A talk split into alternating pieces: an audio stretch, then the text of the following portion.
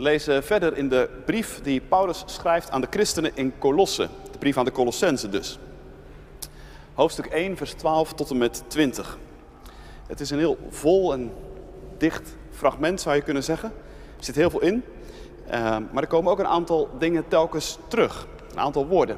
Het woord eerstgeborene komt twee keer terug. Uh, woorden die met alles en in allen en heel te maken hebben. Heel de schepping, alle dingen. En het woord hem komt heel vaak terug. En dat verwijst naar Christus, de Heer van de schepping en de Heer van het leven.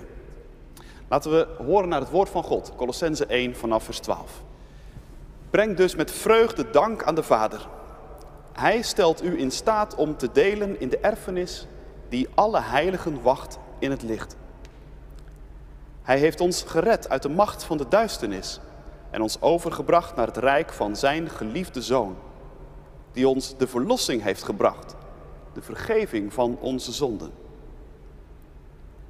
Beeld van God, de onzichtbare, is Hij, eerstgeborene van heel de schepping. In Hem is alles geschapen, alles in de hemel en alles op de aarde, het zichtbare en het onzichtbare, vorsten en heersers, machten en krachten, alles is door Hem en voor Hem geschapen en Hij bestaat voor alles en alles bestaat in Hem. Hij is het hoofd van het lichaam, de kerk. Oorsprong is Hij, eerstgeborene van de doden, om in alles de eerste te zijn. In Hem heeft heel de volheid willen wonen en door Hem en voor Hem alles met zich willen verzoenen. Alles op aarde en alles in de hemel, door vrede te brengen met Zijn bloed aan het kruis. Eerst was u van hem vervreemd en was u van hem in al het kwaad dat u deed vijandig gezind. Maar nu heeft hij u door de dood van zijn aardse lichaam met zich verzoend, om u heilig, zuiver en onberispelijk bij zich te brengen. Maar dan moet u blijven in het geloof, onwrikbaar gegrondvest zijn in de hoop die het evangelie brengt. Het evangelie dat u gehoord hebt en dat aan alle schepselen onder de hemel verkondigd is en waarvan ik, Paulus, een dienaar ben geworden. Tot zover de lezing. Dit is het woord van God, gemeente, voor jou, voor u, voor mij. Gelukkig zijn wij als we het woord van God horen, dat bewaren in ons hart en daar ons vertrouwen op stellen. Gemeente van Christus, broeders en zusters. Ik heb het niet nageteld, maar er schijnen in ons melkwegstelsel zo'n 300 miljard sterren te zijn. 300 miljard. Dat is een 3 met, schrik niet, 11 nullen. En als dat je nog niet voldoende duizelt, men denkt dat er ook nog zo'n 100 miljard melkwegstelsels in het heelal zijn. Bij elkaar opgeteld brengt dat het aantal sterren dus op 3 met 11 nullen keer 1 met 11 nullen. Ik kan me daar werkelijk geen voorstelling bij maken. En ergens dus in die gigantische ruimte zweeft een minuscuul blauw-groen bolletje dat aarde heet. En ergens op dat minuscule blauw-groene bolletje bevinden jij en ik ons. Minuscule mensen achter een minuscuul schermpje op de zondagmorgen luisterend naar een preek. Wat betekent dat als je dat soort dingen op je laat inwerken? Kun je bijvoorbeeld wel blijven zeggen dat je leven betekenis heeft als je beseft hoe ongelooflijk klein je bent? Kun je blijven volhouden dat het ergens op slaat, dat je bestaat? Dat je leven ertoe doet als je bedenkt dat je in feite een verloren stipje bent in een eindeloze afgrond? Misschien dat je zegt, inderdaad, ik denk daar, als ik s'nachts wakker lig, best wel eens over na. En als ik dat doe, dan duizelt het me en dan krijg ik het er eerlijk gezegd ook wel eens een beetje benauwd van. Nou, troost je dan, je bent niet de eerste die van zulke dingen wakker ligt. De beroemde christen-natuurkundige Blaise Pascal deed het ook al in de 17e eeuw.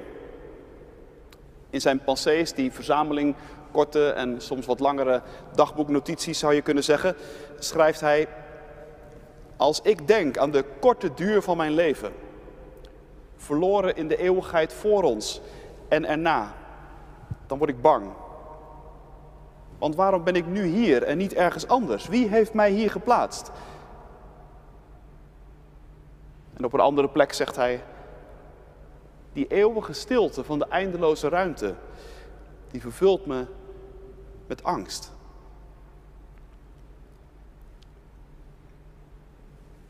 Maar zelfs Pascal is niet de eerste die daar zo over nadenkt en het zo eerlijk opschrijft.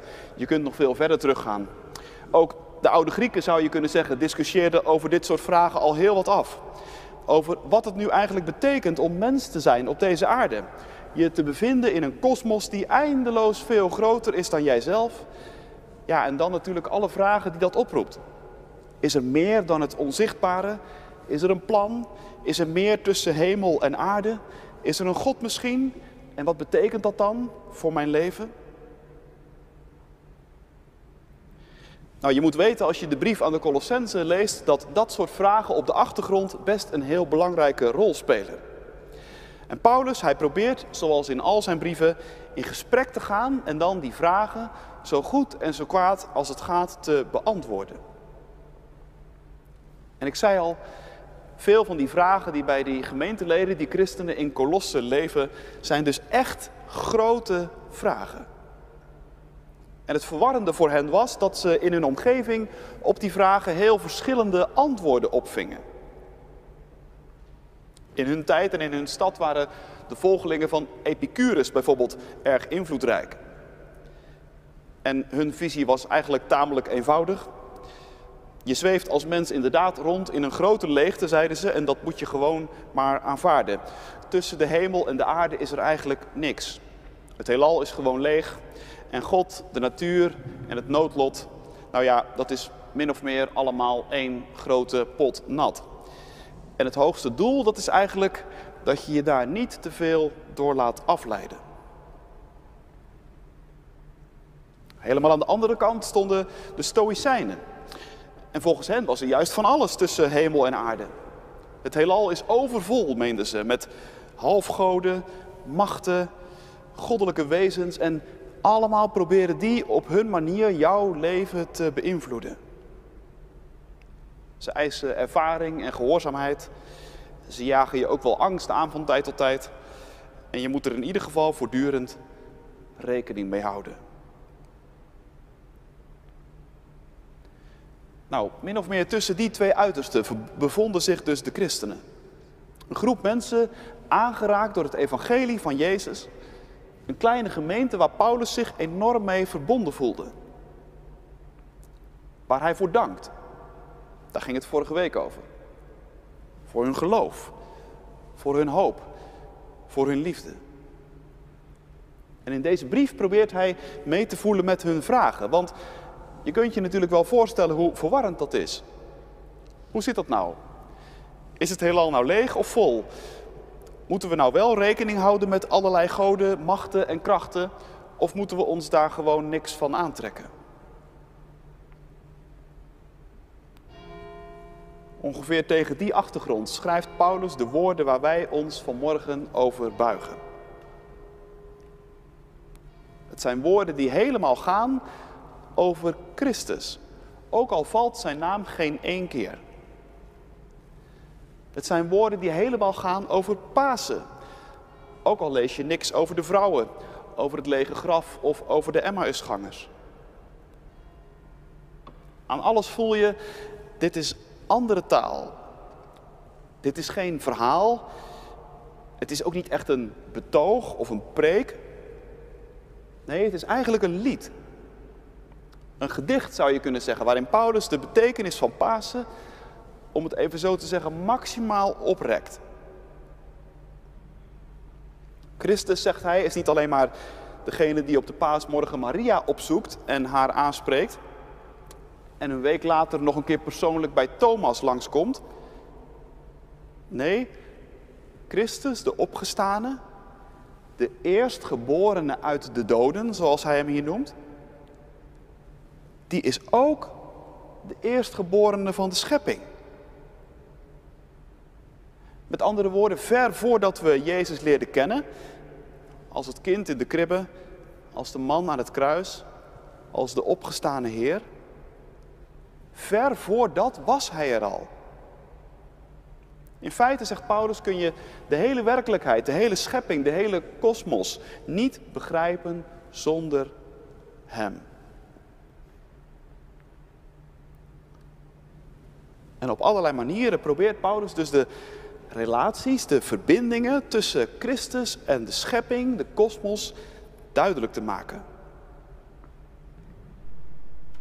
En wat opvalt, is dat in deze paar versen dus een aantal keren het woordje alles valt. Of alle dingen. Alle dingen in de hemel en op de aarde. Zichtbaar en onzichtbaar. Uit zo'n zinnetje leidt je af dat Paulus dus niet gelooft in een leeg heelal. Een eindeloze ruimte waar je als minuscuul mensje betekenisloos in rondzweeft, zoals de volgelingen van Epicurus dachten. Het heelal heeft wel degelijk betekenis. En jij, minuscuul mensenkind, jij ook. Maar dan wel, zegt Paulus, dankzij Hem, Christus. De eerstgeborene van heel de schepping. Hij geeft aan alles betekenis. Hij houdt alles bij elkaar. Geen eindeloze leegte dus. Maar Paulus gelooft ook niet in een eindeloze hoeveelheid goden en halfgoden en machten en krachten die je voortdurend op allerlei manieren proberen te beïnvloeden. Zoals de Stoïcijnen dachten. Nou ja, misschien gelooft hij er wel in in die zin dat hij erkent dat zulke machten er zijn. Maar hij hecht er geen geloof aan, om het even zo te zeggen. Er is er namelijk maar één in wie je echt mag geloven. Er is er maar één in wie je echt hoeft te geloven. Dat is Christus. Hij is de spil waar alles om draait. Want al die machten en al die krachten, daar staat hij boven. Ze zijn door hem en voor hem geschapen, zegt Paulus. En meer ruimte hoef je ze dus in je leven ook niet te geven. Nou, zo is Paulus dus bezig om antwoord te geven op de vragen waar die christenen in Colosse mee zaten, waar Pascal mee zat, waar jij misschien ook wel eens wakker van ligt. En telkens is het refrein Christus. Christus, Christus, Christus. Wees niet bang. He's got the whole world in his hands.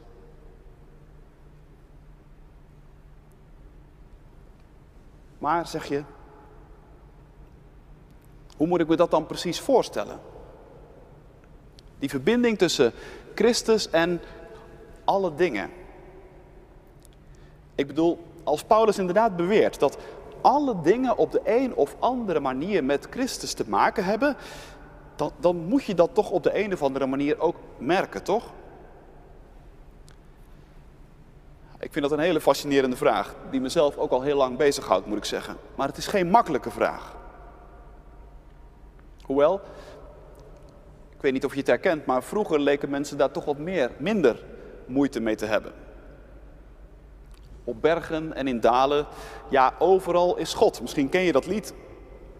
Ik hoor dat tegenwoordig niet meer zo heel vaak zingen, eerlijk gezegd. En dat valt ook wel te begrijpen. Want de verbinding tussen God en alle dingen, dat is best een ingewikkelde. De natuur, de schepping, de kosmos. Ze kunnen ontzag bij je oproepen. Maar is ontzag hetzelfde als God? En daar komt bijvoorbeeld ook nog dit bij. De natuur spreekt nooit één taal. Die heeft altijd minstens twee gezichten.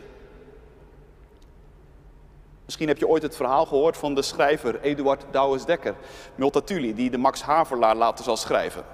Er gaat een verhaal rond dat hij samen met zijn vader, toen hij nog klein was, een wandelingetje maakte. En tijdens dat wandelingetje kwamen ze een merelnest tegen. En ze zagen hoe moeder Merel haar jongen een vette worm opvoerde. Prachtig toch, zei de vader, hoe God dat allemaal gemaakt heeft. Waarop de kleine Eduard geantwoord schijnt te hebben, maar vindt die worm dat dan ook, vader? Ik bedoel maar, de natuur heeft altijd twee gezichten. Schoonheid die verwondering en ontzag bij je oproept, maar ook wreedheid die schrik en afschuw bij je wakker kan roepen. Maar welke kant vertelt je nu het verhaal over God? Zeg het maar.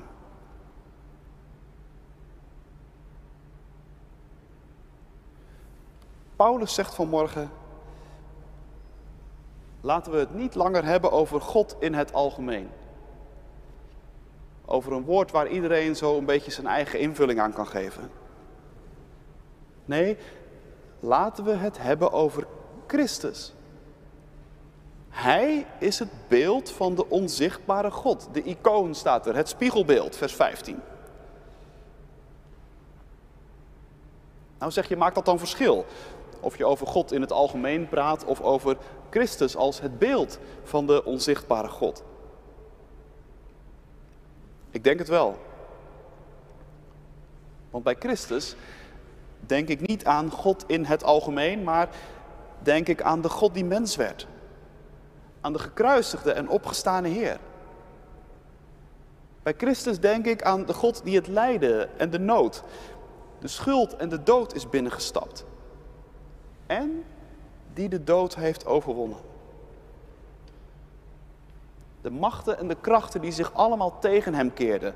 Het had er zo de schijn van dat ze zouden winnen.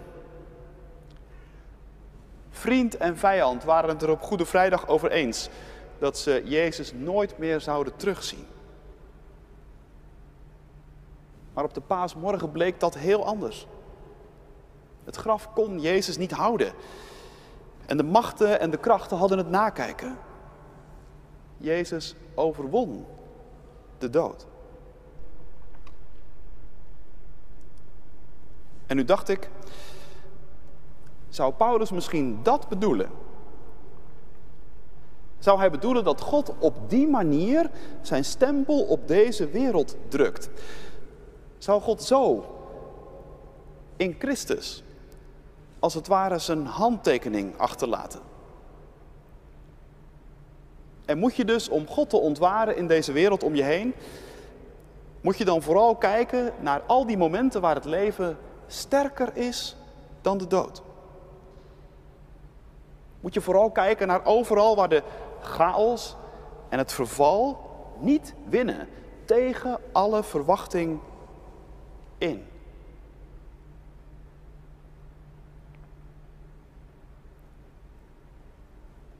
Je staat daar misschien niet elke dag zo bij stil, maar ik ook niet, maar ik las het van de week ergens, dat het voor wetenschappers die daar verstand van hebben en zich ermee bezighouden, eigenlijk een enorm raadsel is dat deze wereld niet uit elkaar valt.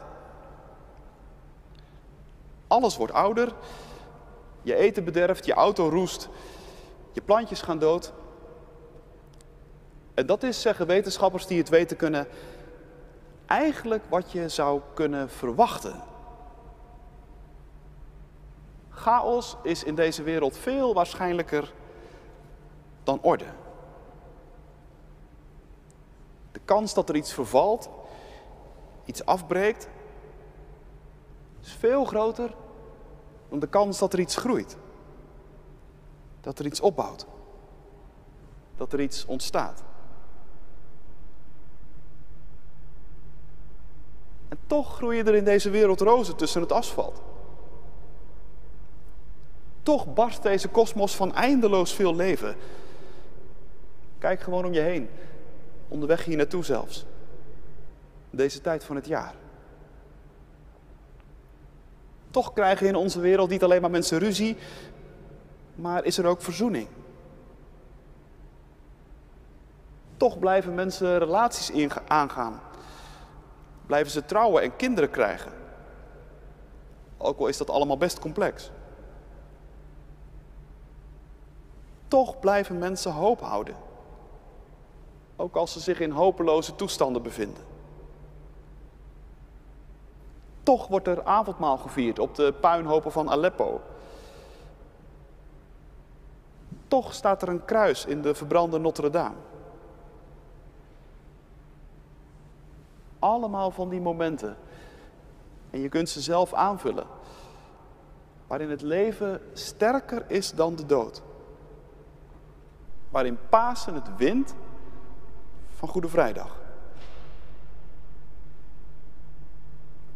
Allemaal momenten waarop je iets merkt van wat Paulus bedoelt met Christus in alle dingen.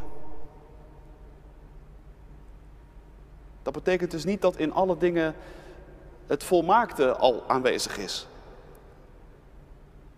Het is veel meer de afwachting en de hoop. Zoals Christus in wording was, zou je kunnen zeggen. Na Pasen is hij niet dezelfde als voor Pasen. Zo wachten alle dingen in deze wereld. Inclusief wij zelf. Tot Christus ons meeneemt.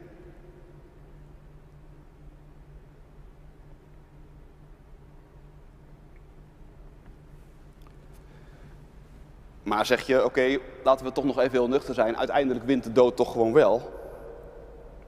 Hoe oud je ook wordt, aan het eind staat toch een keer de man met de zeis. Onverbiddelijk. Dat is inderdaad zo in deze werkelijkheid. Maar het geheim van het evangelie is dat die werkelijkheid niet de laatste is. En dat die werkelijkheid sinds Pasen niet het laatste woord heeft. Want de eerstgeborene van de schepping is ook de eerstgeborene van de doden, zegt Paulus in dit stuk.